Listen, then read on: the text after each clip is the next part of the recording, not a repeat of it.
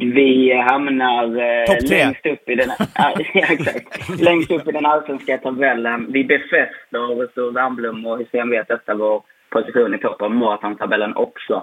Och går eh, till minst Europa League-gruppspel. Det räknar jag kallt med. Kuppen?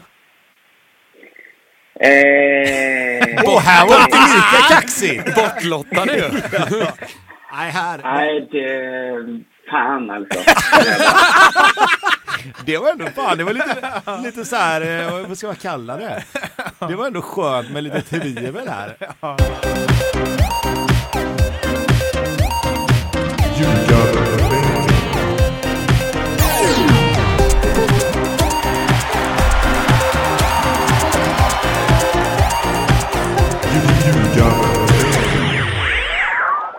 Ljugarbänken i samarbete med Betsson är detta ditt lagavsnitt inför den allsvenska starten. Laget som ska dissekeras heter Malmö FF och de som ska göra det är Tobias Hysén och Pontus Wernbloom som ska sätta betyg på alla lagdelar 1 till 5. 1 underkänd, 2 godkänd, 3 bra, 4 mycket bra och eh, fem är ju mästerligt då, då, som vi väl kan tänka oss att det kanske kommer bli någon, något sånt betyg i alla fall när det gäller MFF. Vi ska också snacka specialspel med Andreas hos Betsson och vi ska ringa upp en gäst.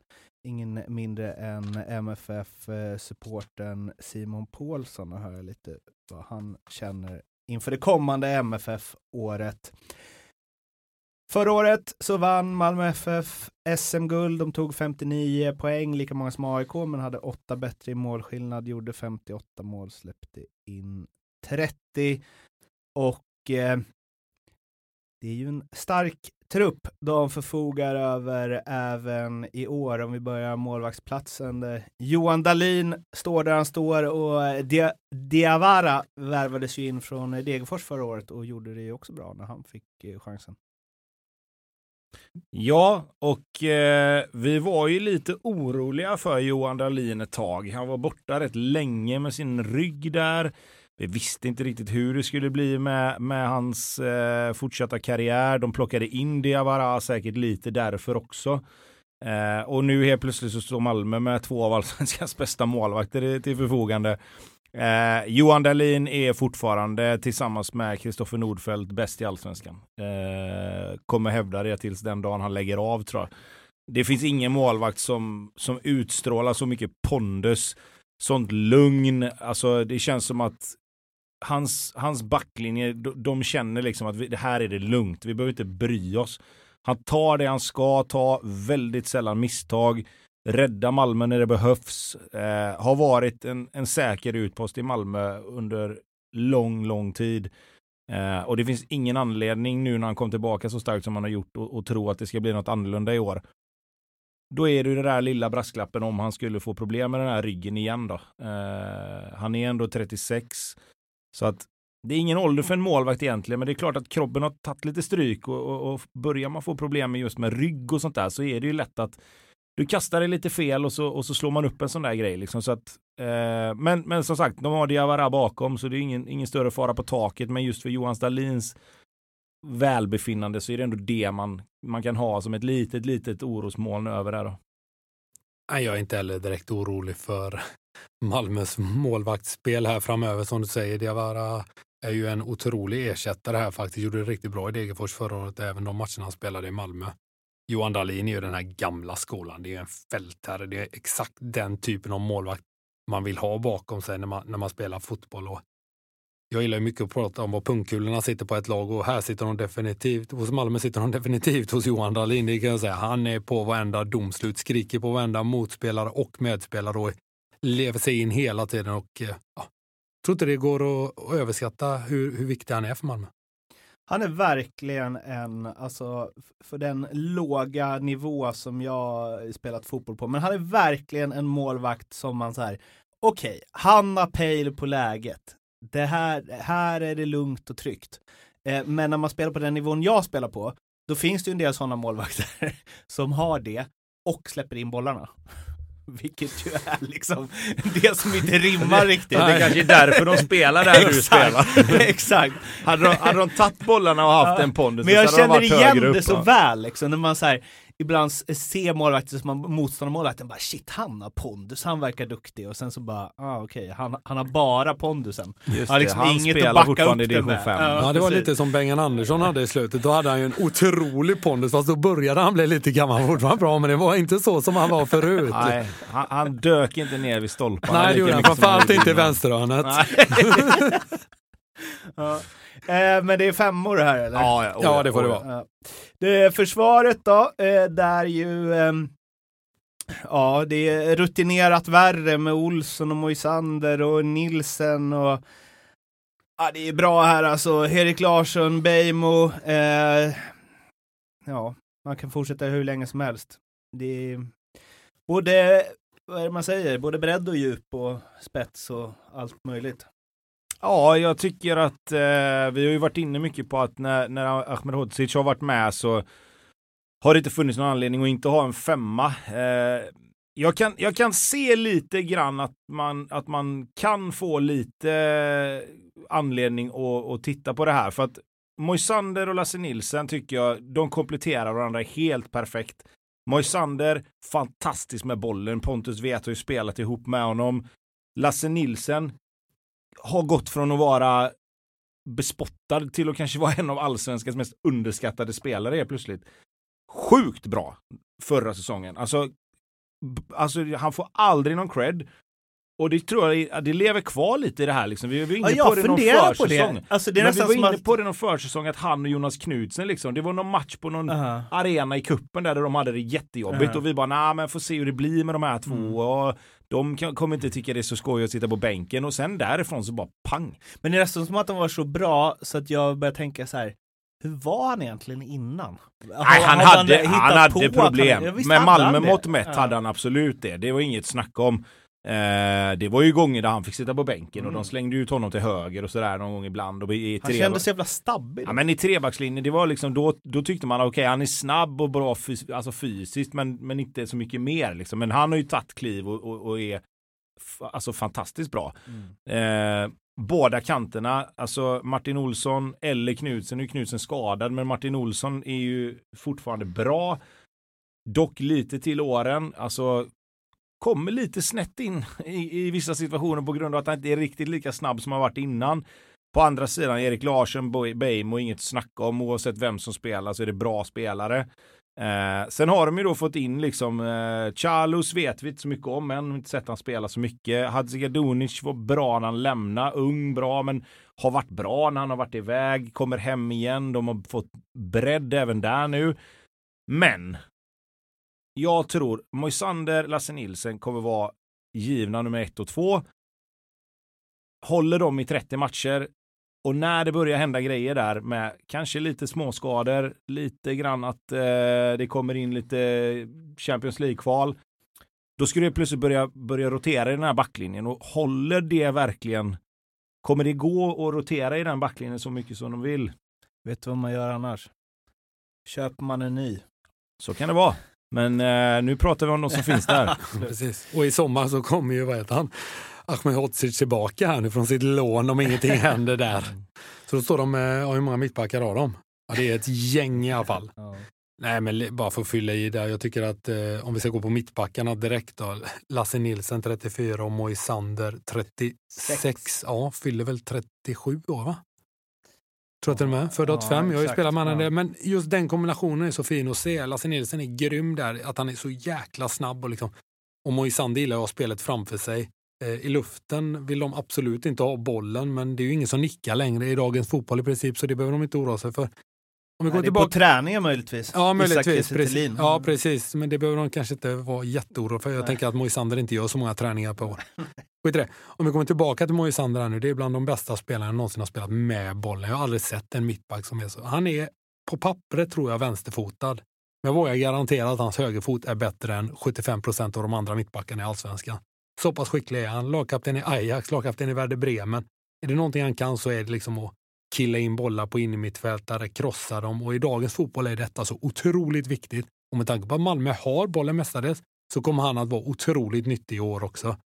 Och så har du Lasse Nilsson som kan någonstans kompensera eh, för det han eh, brister i, i försvarsspelet. Och sen Erik Larsson pratar man ju sällan om, en sån här tråkig spelare, men ja, jättenyttig, duktig och gör exakt det som man förväntar sig och håller oftast Bejmo på, på sidan av. Fem? Fem? Fyra. Fyra? Ja, jag har fyra och en halv. Ja. Eh, och det är mest för att jag, jag, jag, vill se lite grann, nu har det ju sett bra ut i kuppen och de har varit stabila och sådär, men vi ser ju det här är över tid. Liksom. Jag vill se Moisander och Lasse Nilsson med sina liksom ändå lite, lite skadebenägna kroppar spela 10-15 matcher i rad in i hösten. Sen, sen är jag helt säker på att, alltså det var ju som vi har snackat om en annan gång, att om, om Malmö tar in Hadzikadunic och Charlos så är det två toppspelare. Det de, tror jag de, de, har ju inte, alltså de har ju inte, med deras scouting och deras ekonomi, så, så, så, även om de misslyckas lite med en värvning så kommer det fortfarande vara en bra spelare. Men de missar ju typ aldrig på Nej, men det är ju också för att de kan som. välja på helt andra hyllor också. Det är liksom, du, du, det blir ju, även om det blir en misslyckad värvning så är det fortfarande en jättebra spelare. Mm. Så att det är klart att 4,5 kanske till med är snålt. Men, men jag vill se det här sätta sig. Jag vill se Martin Olsson också. Det är ändå tre spelare på 33-34 år upp i en mm, backlinje. Mm, mm de ska spela de här varje vecka, varje vecka, varje vecka och framförallt sen när det ska börja roteras, när det börjar bli Europamatcher. Då ska de här spelarna spela kanske en topp, säg att de har AIK borta och sen in i ett Champions League-kval. Då måste de spela de här två matcherna. Och där vill jag se eh, hur det ser ut. Jag är rätt säker på att vi kommer sätta det här som en femma efter säsongen, men just nu så är det Kommer Ahmed Hodzic, eh, hem till sommaren så är det ju fem, då börjar vi snurra på fem och en halv nästan. Innan vi går vidare med betygssättningen så slår vi en pling till Andreas på Betsson för att prata lite om specialspel som killarna tagit fram. God dag i stugan. God dag i stugan. God dag, Hallå. Nu har vi kommit till eh, regerande svenska mästaren Malmö FF och Pontus har vadå? Här safear jag upp det med att eh, Isak Kiese Thelin vinner skytteligan. Ja. Så var lite generös nu för jag vet att det kommer bli ett jävla pissodds. Ja, men jag vet jag har faktiskt boostat oddset lite här. Vad härligt. Så det var 1,05? Ja. Nej, sju gånger pengarna. Oj, oj, oj! oj! För helvete! Hade du sagt fem hade jag lagt in allt jag har. Jag tar, jag tar den. Tack så hjärtligt Andreas. Fan, det har hänt? Käkat lyckopiller nere på ön. Ja, jag tar det. Det är här man vill lägga på fort. bara, Tack, hej då! Så bara... Ett rån ju. Det var det sjukaste. Ja, jag tar det. Ja, Okej, okay. och Tobbe, vad har du då? Ja, jag har ju eh, Malmö att inte vinna SM-guld. Men att Isak Kiese gör mer än 9,5 mål. Mm. Det, det är vinna SM-guld. märkligt spel, för de talar emot varandra. Ja, det var det jag tänkte också. inte det här dåligt? För de bara, han fattar kanske inte premisserna för Jo, det men jag tror att Isak Kiese gör mycket mål, men jag tror inte de vinner. Du drar ju ner ditt eget odds väl? Är det inte det du gör? Nej, höjer det. Nej, det är ju tvärtom för fan. Om han gör mycket mål så talar jag allt för att Malmö ska vinna, men jag tror inte att de gör det. Men det, vad, eh, alltså... Fan, det är jag som inte fattar. Ja. Lite så. Ja, men jag fick ju sju, sju i odds på Isak ja, Så jag är tydligen bra på det här utan att veta om det då. Men eh, att Malmö, alltså vad står det i? Att Malmö inte vinner SM-guld? De måste ju vara mega favoriter. Ja, alltså, att, att Malmö inte vinner SM-guld är cirka en 60. Och vinna guld då är cirka 2,20. Det blir ju så när det är många lag som har lite chans. Så, så diffar ju oddsen rätt rejält. Så det blir ju den och sen så blir det då att Kiese ska göra, vad sa vi, över 9,5 va? Ja. ja. Då, då landar vi på cirka 2,50. Fan, det lät ändå... Jag, jag hörde hur du resonerade och jag tycker ändå det blev lågt. Alltså... ja, jag tänkte nog att det skulle vara... Att, det skulle att Malmö skulle vara större favoriter ja. till att vinna guld. Jag, jag hade vänt på Nej, dem. Det, Ja, men det är väldigt sällan ett lag, jag tror knappt aldrig jag sett ett lag stå under två gånger pengarna och vinna allsvenskan inför säsongen. Mm. Det är ändå så pass öppet. Mm. Ja. ja, det var ju rätt jämnt i fjol. Jag, jag, jag, jag orkar inte resonera kring det. Jag tror ju att... Äh... Du, du är lite mer sugen på Pontus odds. Ja, lite så faktiskt. det är klart, om man hela tiden vad, men du, vad, hade du fått, vad hade du fått på nu kanske det här blir jättesvårt, men vad hade du fått om du tar Malmö inte vinner SM-guld och Isak Kiese Ja, då blir det sju gånger 1,60 då eller? Nej, men för att han vinner ja, skytteligan måste ju vara baserat på att Malmö vinner guld. Ja, exakt. Ah, exakt. Okay. Så då får man ju skala ner det lite. Ja. Så två... Ja. Man hade kunnat ge kanske, låt säga kanske 12 på något sånt. 13 om man är snäll. Att, att Kiese vinner skytteligan men att Malmö inte vinner guld? Ja. Fan, nu sprängs alltså, mitt huvud av alla det. Att de vinner guld? Nej, men att de inte vinner guld och han vinner skytteligan då? Nu är det bra snack. Nu är det, nu är det podd... Uh... Mitt huvud håller på att vet, vad, vet du vad? Vi skiter i det. Ja, vi skiter i det. Vi tar det våra sju gånger pengarna och drar. Det kan vi snacka om någon annan gång. Precis. Eh, Betsson, godbitar, ljugarbänken.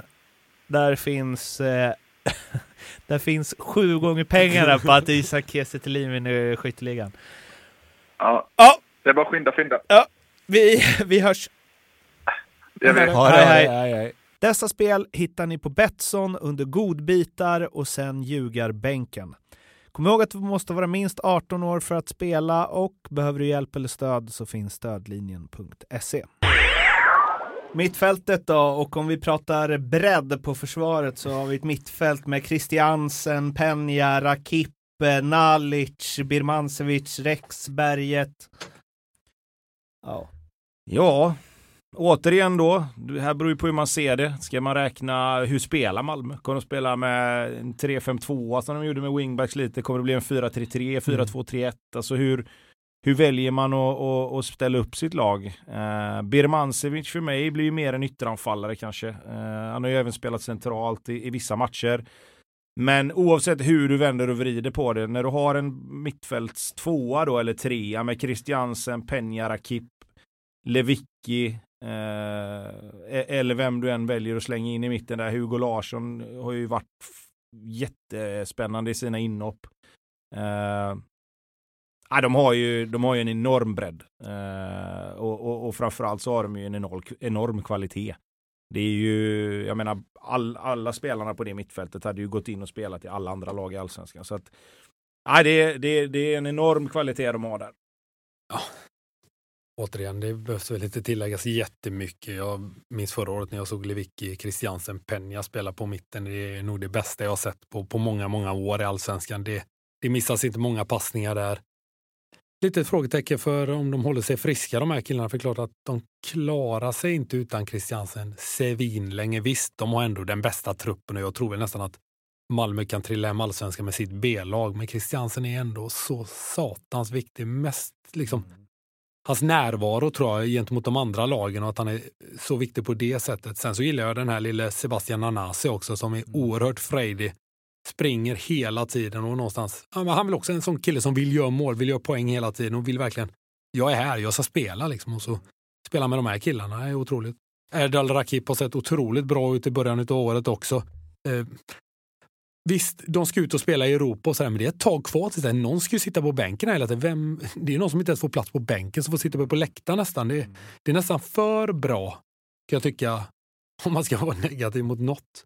Nej, och sen tycker jag också man, man får med lite grann in i det här. Det är ju att Alltså vi snackar om att Anders Christiansen är, är jätteviktig för Malmö och det, det, tror jag vi har fått bevisat både, både innan och, och under tiden nu som eh, han har varit där och när han försvann. Men det man också ska ha med sig med honom det är att han har ju en tendens att faktiskt tappa humöret lite i matcherna. Han drar på sig ganska mycket onödiga gula. Mm. Nu senast i, i cupsemin här så var det inte helt eh, långt bort att han drog på sig ett rött kort efter 30-35 minuter. Nej, nej, liksom. en, en, annan domare där med, med, den Hansen som han åkte på. Jag säger inte att det var gult kort men en, en domare kan absolut tycka att han är uppe med armen där med flit. Sen ska de med det att han, han klarar sig undan de här och det vet han ju om själv. Ja men så är det. Jo men så är det. Men jag tycker ändå att han, hans, hans han spelar med onödigt små marginaler vad gäller just den biten när han är så skicklig som han är. Han behöver liksom inte han behöver inte göra de här dumma grejerna. Jag säger inte att man, liksom, det är klart att det måste finnas ett visst mått av liksom elakhet och ett visst mått av Alltså att man är lite full i fan. Men de här småstämplingarna och de här små grejerna som man går och gör ibland. De kan han ju plocka bort. Liksom. Det är onödiga avstängningar och onödiga matcher att missa för han. Anders, om du hör det här så plocka inte bort det, jag gillar det. En eh, grej du var inne på lite snabbt som vi diskuterat många gånger i den här podden, jag vet inte, vi har inte riktigt kommit fram till något tror jag, men eh, det du sa Pontus om eh, att Christiansen, att han är så viktig. Va? För det är lite eh, Rosenberg. Ju, även om han inte var bäst alltid, så var ju han, de vann ju inte när han inte var med. Ja, och med är... Christiansen är det ju lite, de spelar ju mycket sämre när han inte är med. Men han är ju nästan en form av institution där nu har blivit det och jag vet inte om det sitter i skallen, det är väl det, det får vi bjuda in någon psykolog. Men det är så konstigt, man värvar liksom in Penja och Birmancevic, de borde ju skita ifall Christiansen är med. Eller inte. Nej, nej, visst är det så, men han är navet. Jag tycker ändå någonstans att han är, han är nyckeln, han är den som luckrar upp det på mittfältet. Eh, Penja är en otroligt skicklig spelare såklart, men det är lite mer futsal. Jag tycker Christiansen är lite mer pang på rödbetan. Han vill också lite där, eh, bra poängspelare. Jag tror det är svårt att riktigt få fram det där. Penja tycker jag säkert, om en nästan bättre fotbollsspelare med bollen. Men Christiansen har det, han vill hela tiden framåt och göra mål. Mm. Lite mer sen, fots. Den ja, men, ja, men, gillar jag. Jag tror, jag tror så här också att det som är med, med, när, man, när man scoutar Malmö och lägger upp en matchplan hur man ska möta Malmö så blir ju Anders Christiansen en ganska stor del av av en sån matchplan. Alltså du måste ju på något sätt få stopp på honom, få stopp på hans löpningar och in i straffområdet, få stopp på hans liksom yta framför backlinjen där han vill ha bollen. Dels för att sticka in eh, passningar men även för att skjuta. Och det gör ju att alla andra spelare får mycket mer utrymme för sina grejer eftersom du lägger ganska stor vikt vid att skära bort honom. Mm. Det gör ju att du får plocka folk från någon annanstans. Det som är då när Christiansen kanske inte är med, det är att du kanske fokuserar lite mer på Malmös mittfält som en enhet som vi snackade om. Liksom att, att det fungerar som en enhet och det kan du också göra mot Malmö när inte Christiansen är med. För att det finns ingen spelare som har exakt de egenskaperna. Liksom. Det är en annan sak om du hade satt in en spelare som inte är lika bra men som gör samma saker. Då måste du också ha med det att, att, att Malmö har den, det sättet att spela. Men eh, Malmö spelar ju också lite annorlunda när Christiansen inte är med för de vet att den typen av spelare försvinner. Men han är ju liksom, han är ju överallt och ingenstans. Men han tar ju så pass mycket ansvar att det inte blir fel. Jag tror att om någon annan spelare gör samma typ av spelare, försöker göra samma typ, det går inte för att det kommer liksom att att tränaren kommer liksom inte tillåta det på samma sätt. Sverige, han är ju, ibland är han nere vid hörnflaggan, ibland är han och hämtar bollen som nummer sex. Visst, han gör det i 90 minuter och gör det hur bra som helst. Jag tror att det är svårt att göra det. Jag tror att det är extremt svårt. Jag tror inte det är någon annan i Malmö som varken kan göra det eller får göra det för tränaren. Fem år? Ja, här är ju en fem och fem. Ja, absolut. Ja, men absolut. Anfallsuppsättning då, det jag, liksom när jag sorterade in det, valde att sätta Abubakari, Toivonen och eh, Isak Kiese som anfallare då. Sen kan man ju diskutera där Birmancevic och hej och Men eh, eh, tung, tung, tung värvning ju med eh, Thelin. Ja, den, den, var ju livsnödvändig skulle jag säga när de tappade Colak. Eh, Ola är ju, är ju en fantastisk spelare när han är frisk och i matchform. Jag menar, han har ju varit borta när, snart ett år liksom och, mm. och att han ska då som 36-åring hitta tillbaka till någon sorts toppklass i allsvenskan. Han kommer säkert vara en jättebra spelare men han ska också matchas in och det ska liksom eh, spelas i form på något sätt. Eh, Abubakari tror jag att man hade tänkt annorlunda om om han hade spelat i ett annat lag. Jag tror att han hade setts på som en bättre spelare än vad han gör nu i Malmö. Men just för att han är i Malmö och hela tiden har någonstans fått agera liksom rotationsspelare och så, så, så tittar man på honom och tänker bara fan är han tillräckligt bra för att spela i Malmö? Eh, sen är det ju då som vi sa där om Birmancevic räknas som yttermittfältare eller anfallare ytter beroende på hur de kommer spela. Eh, jag, jag, tycker ju att om, om Isak Kiese blir skadad här nu med tanke på att de ändå har valt att plocka in honom så kommer de få lite problem. Alltså det ser lite, lite tunt ut bakom. Sen kan de slänga upp Berget som forward. Du kan slänga in Bermancevic som, off, mm. alltså som, som spjutspett. Du har Adin Alic kan spela forward. Så att bredden finns ju.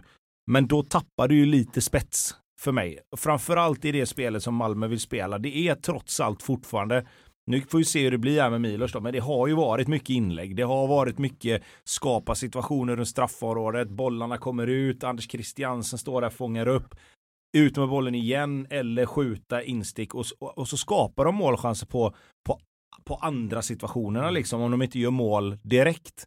Eh, så som sagt, det ska, det ska, bli kul här att se nu för att det har, det har varit lite så här, nu har Birmancevic gått längst upp eller lite mer i en offensiv mm. roll ute till vänster, de matcherna man sett i kuppen. Eh, men, men, som sagt, det, det ja. Man gillar ju Abubakari också väl? Han är ju sån som vräker in bollen.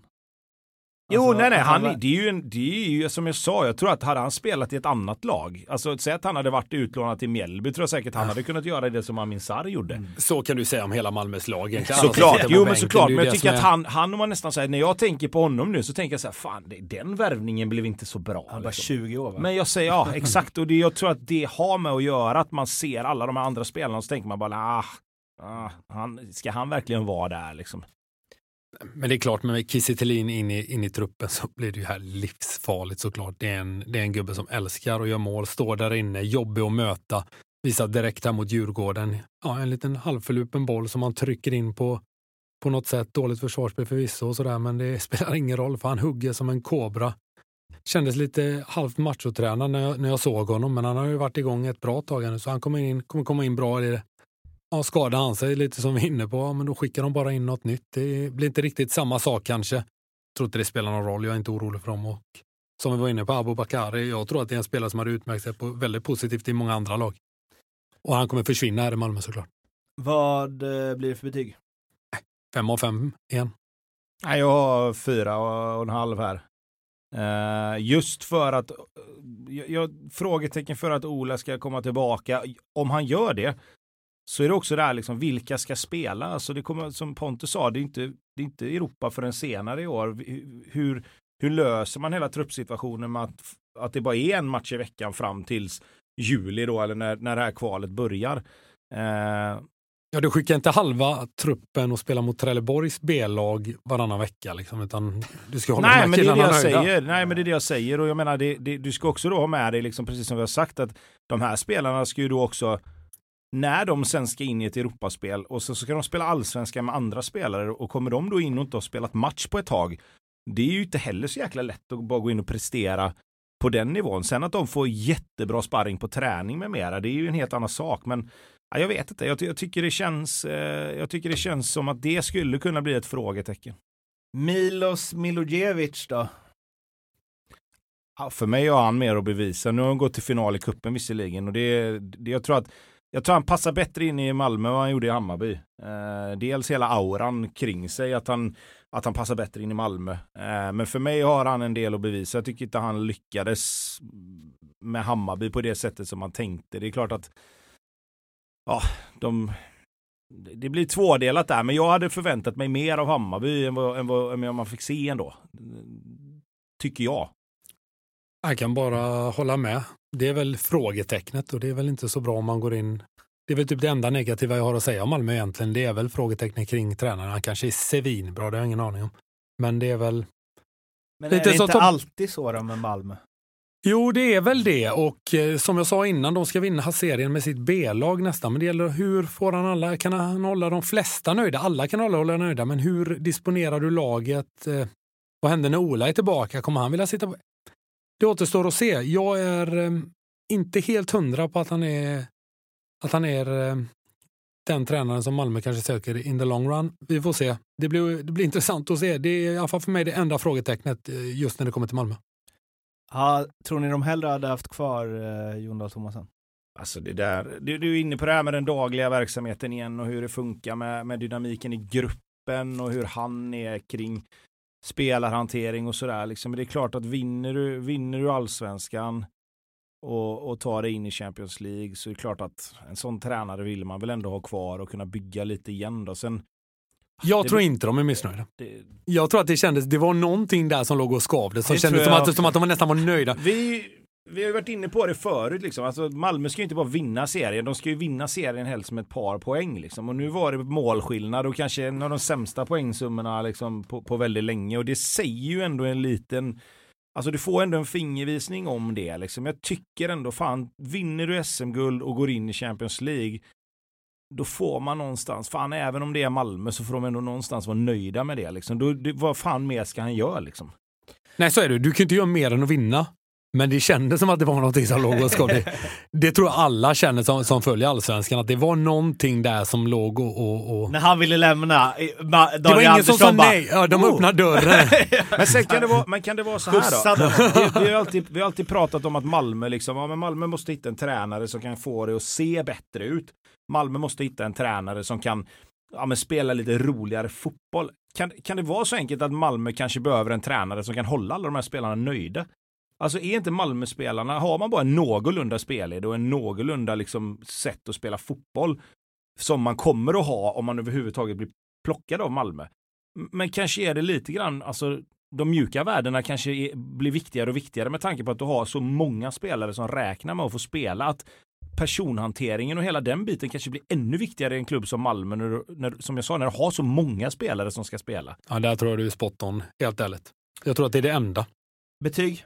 Ja, om mig får han en två av femma än så länge. Ja, jag har tre för att han ändå liksom har gjort det så pass, tog sig till kuppfinalen då och någonstans ändå har gjort det, gjort det bra i början här nu. Men som jag sa, alltså det, det, det är inte lätt heller att komma till Malmö. Liksom, vinner han inte SM-guld så är det ju en etta direkt. Och, och, det är svårt också på den, inte för att jag tror att han har några, han ligger inte sumlös över det tror jag, men jag tror också att det, är, det blir en omedveten press utifrån att många tränare har fått lämna i förtid, liksom trots att de har vunnit. 22 från Tobbe, 21 och ett halvt av Pontus. Vi ska ringa upp MFF-supporten Simon Paulsson och höra lite vad han känner inför det kommande MFF-året. Simon! Yes! Hallå! Tjena! Tjena! Nu är vi taggade på att eh, höra dig bemöta att eh, MFF är överlägset bäst och bäst på alla, alla lagdelar och hej och hå. Inga frågor. Nej, det blir jobbigt. Nej, det är som vanligt med andra ord. ja, det är två, det är två MFF-vurmare här i studion också i Hussein och Wernblom. Det är liksom deras andra lag som de alltid, alltid ja, talar gott om. Jag har fått den känslan länge att de egentligen vi hade velat spela i ett annat lag. Så att de är väl Ja, de är inte välkomna längre. Det är lite för sent nu. Varför då? Men, jag tänker att ni kanske behöver sådana som bara köper in och, och hade suttit på läktaren och varit nöjda över det. Så här gamla trötta som mig och Tobbe.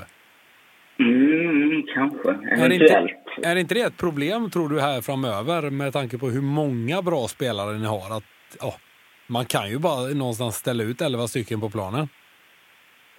Ja, det är ju frågan. Det blir extremt viktigt att uh, ta sig till Europa i sommar. Annars kommer det börja gnisslas. Uh, det märker man väl inte minst nu på mittbackspositionen där uh, Charles, som har blivit inköpt inför säsongen, kommer ganska fina meriter från u landslaget Tjeckien och så vidare.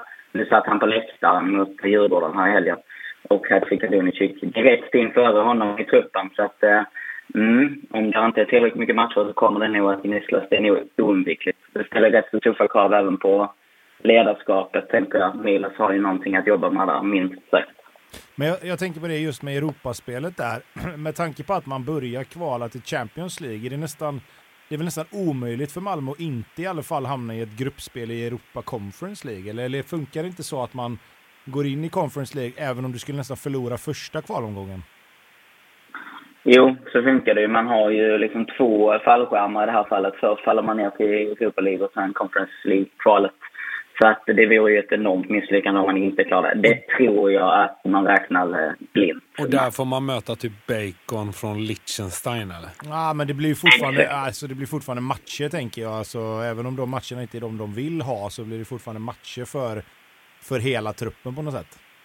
Ja, men exakt. Sen är det väl, nu är det väl lite dubbelmöten igen i år, men det är ju trots allt bara åtta matcher där. Så det är gruppspelet också, så då blir det 14 totalt. Och det är klart att det plus nu en lång cupresa det gör ju att säsongen blir betydligt längre än om man skulle åkt ut direkt i både kvalet och i cupens gruppspel. Liksom. Eh, vi har varit inne på Isak Kiese här lite, att det, var, att det var livsviktigt att få in honom. Eller livsviktigt, det finns väl inget som är livsviktigt i Malmö med den truppen som ni har. Men, men just när Colak försvann, att, att man ändå behövde ha in en ny nummer nio. Vi vet ju inte riktigt hur utvecklingen på Abu Bakar igår. Eh, Ola Toivonen har varit skadad jättelänge. Så att hur, hur, ser du själv på det? Liksom, hur viktigt var det att få in en ny nummer nio? Men det tycker jag blir ganska tydligt de första matcherna i gruppspelet i cupen. Då spelar man berget de två första matcherna. MFF gör tio mål framåt på två matcher, men han som spelar nia gör inget av de målen. Det tycker inte jag är ett friskhetstecken. Sen slänger man in Abubakari i den tredje matchen och eh, han rosar inte marknaden och det är ganska tydligt att han inte är färdig än. Sen är det ju så med Berg att han vill alltid spela nia, men han är ju lik förbannat bäst när han spelar på andra positioner. Så att för lagets skull så ja, det behövdes verkligen få in en nia. Och att Isak eh, kom långsiktigt, det tror jag är en nyckel just den här gången. Så att annars hade man nog tröttnat på de här kortsiktiga lösningarna år för år. Så att det var dags med en lite långsiktighet på den positionen också. Varför aktiverade man inte klausulen där? Hade man inte en sån på, på Colak? Blev man lite snål? Jag tänker ju att det är ju lite Joakim von Anka där nere i, i Malmö och i Skåne. Varför, varför tog man inte den möjligheten? Mm, det är en bra fråga. Jag tror att man försökte ha lite is i magen och invänta att fönstret skulle stänga ut i Europa, att det inte skulle komma några andra bud och att Pauk då skulle släppa honom billigare. Sen så fick de någon skada på någon anfallare och nu har han helt plötsligt fått spela en hel del. Jag tror att han gjorde mål i helgen också. Ja, det gjorde så han. Jag tror, att det var, um, jag tror att det var att man försökte ha is i magen. Uh, alltså jag tror att man bara gjorde analysen att han inte är värd de pengarna och går de inte ner i priset så, så är de inte det. Och nu när vi står här med Isak Kiese på fyra år så tycker jag att det är en uh, bättre lösning. Och det är lätt att säga efter helgen när han äter direkt. Ja, Men just nu så känns det jävligt bra, det måste jag erkänna. Ja, det förstår jag. En fråga till då, som vi var inne på här lite innan. Som jag vet, den här sortin från Jon Dahl Tomasson. Det kändes mm. lite som att alla ville att det skulle ta slut trots att han vann guld. Det, det var så här, det var inga sura miner när han gick ut genom dörren. Det var, det var snarare så här, drar du? Ska vi skjutsa dig till flyget? Ja, lite så. Ja, men jag delar helt den bilden och sen så blir det ju en extraordinär situation när man har vunnit två guld och gått till Champions League. Det blir precis som att det går inte att göra, av sig, göra sig av med en sån tränare. Så att eh, jag tror precis som ni att man var ganska glada när han lämnade in sin avskedsansökan där. Och det passar ganska bra. Eh, jag personligen har varit ganska kritisk i JDT och känner kanske inte att spelet har utvecklats så som man har velat de här sista två åren. Så att det var läge för någonting nytt. Och med nystarten med ny sportchef, sportchef och så vidare så, så känns det timingmässigt väldigt rätt också att få in en annan. Men om, om, vi bara, om vi ska hålla oss kvar lite med det här, alltså, för, för, att ha varit så framgångsrika som Malmö har varit så har det varit en enorm ruljans på tränare. Eh, hur, hur, ser man som supporter på det? Liksom? Jag förstår ju att man ska vinna, men nu har det nästan blivit så att man ska vinna snyggt också. Liksom, vad, vad kommer först där egentligen? Är, det, är man redo att ta ett år där, där man utvecklar spelet, men kanske kommer tvåa, trea då, men ser att det finns en utveckling där för att sen vinna tre år igen? Det får man väl räkna med över tid, att det kommer hända år när det liksom inte blir guld. Det känns lite främmande just nu, den tanken. Men eventuellt så finns det en sån framtid. Men, en, sån, en sån säsong så tror jag att det blir väldigt viktigt att skörda någon annan framgång, gå till Europa eller då göra det bra i cupen. Men för att svara på din fråga så tror jag att det mer handlar om att man vill ha långsiktigheten och kontinuiteten på andra positioner i föreningen. Det tror jag att alla är ganska överens om som håller på med FF, med, just med Daniel Andersson och Carlén och så vidare. Att där känner man att man får in den tryggheten som det innebär att ha lite kontinuitet på ledande positioner. Det är lite överskattat tycker jag och mot bakgrund av resultaten de sista åren så finns det lite bäring i detta påståendet att ha en långsiktighet på tränarposten. Eh, vi snackade med en eh, Sundsvall-supporter, Johan Martinsson, eh, också förut. Det är viss kontrast, får man säga. Skilda skurar, ja. det är, var lite annan inställning där. Han tyckte väl att det var liksom skönt att de värvade Oskar Linnér på ett halvår bara, för annars så värvar de ändå spelare och släpper dem med ett halvår kvar för inga pengar alls. Så då var det lika bra att börja på ett halvår direkt. Det är som lite som när jag försöker förklara för barnen att det finns faktiskt eh, folk ute i världen som lider. Men det är så här, ah, jag tror inte Malmö-supporterna förstår det riktigt med sina framgångar på senare år. Nej, det är lätt att bli bortskämd, så är det. Men, men, om, vi, om vi vänder på det då, om du ska titta med, med lite, ja, det är svårt såklart, men om du ska titta med kritiska ögon utifrån en supportersynvinkel, vilka, vilka frågetecken eller, eller vad ska man säga, fallgropar kan du se? Vad, vad, vad finns det som överhuvudtaget talar för att Malmö inte ska vinna guld? Ja, men dels eh, som vi varit inne på, ny tränare. Det är klart att det kan ta tid innan det sätter sig. Det har ju sett väldigt lovande ut, men det gjorde det ju också 2018 med Magnus Persson. Där han också vann liksom allt och sen så sket det sig när allsvenskan började. Så det kan ju hända. Sen är det ju lite ruljans i, i truppen och det finns ju alltid en liten oro för den här mättnaden. När ska den komma? Nu har vi eh, väldigt många spelare som har vunnit väldigt många guld och gjort, gjort det bra i Europa. När tröttnar man på det? Eh, och det, jag hoppas att det inte kommer att ske, men det är klart att det ligger där som en liten oro hela tiden. Men eh, den klyschan att Malmö FF är sin värsta konkurrent, den tycker jag är ganska applicerbar i det här fallet också. Men, men tror du att det kan vara ett, en anledning också till att man faktiskt byter tränare rätt mycket för att få in den här nya energin i spelare som har vunnit ganska mycket? Ja, absolut. Sen så är det ju, man får ju bara inse var eh, vår position är i näringskedjan också i ett europeiskt perspektiv. Malmö FF vill ju gärna placera sig där snarare än i det nationella perspektivet. Och då får man ju bara acceptera att man är längre ner i, i listan och att tränarna och spelarna för den delen vill vidare och högre upp. Så att det är ju liksom ett medvetet val och en kalkylerad risk man tar genom att placera sig så tydligt i ett europeiskt sammanhang snarare än ett nationellt. Mm. Men alltså Malmö tävlar ju bara mot sig själv. Det tror jag vi är rätt överens om här. Det, det är väl så det känns på förhand. Sen är det fotboll och det ska spelas och allt jadda, jadda, jadda. Men vinner inte Malmö så är det katastrof enligt mig.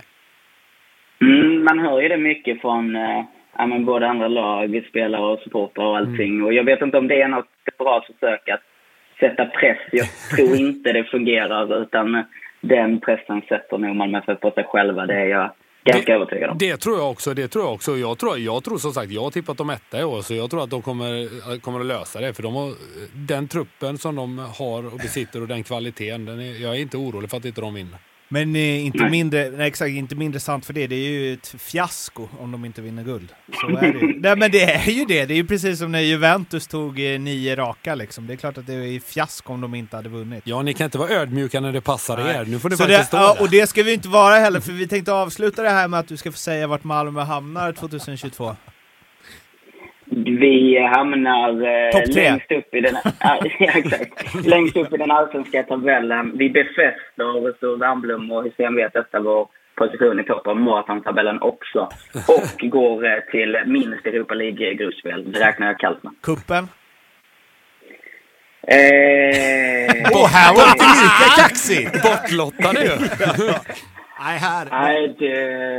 Fan alltså. det var ändå fan, det var lite, lite så här, eh, vad ska man kalla det? Det var ändå skönt med lite tvivel här. Det är, det är eh, galghumor tror jag, här nere. Du vill inte jinxa något nu, eller hur? Alltså helt ärligt så eh, är jag tagen av att vi kunde vinna på Tele2 i helgen. Så att det går det att göra igen, det är väl tveksamt. Ja. Kanske en fördel att vi har två matcher på Tele2 där precis innan cupfinalen. Så att, ja. Stockholmsveckan är det ju. Eller Stockholmsveckorna? Ja, fyra matcher på 24 dagar va. Mm. Du är välkommen upp. Du, eh, tack för att du ville vara med. Tack själva. Jag hörs. Ha, ha, det, ha det bra. Hej. Ha det gott. Hej, hej, hej. hej. Ja, vad har ni Malmö i tabellen då? Och som jag sa här tidigare så har jag dem solklart först, mil före de andra lagen. Och jag ska vara lite så här speciell. Sticka ut och, ja. Här sticker ut hakan då, du som tycker 21 ja. kryss 2. Jag säger att de kommer tvåa i år. Ja. Vi lyssnar på podden, höll jag på att säga. Det har ni precis gjort. Prenumerera på podden, följ oss på Instagram och Twitter så hörs vi. Hej då! Hej då! Hej hej!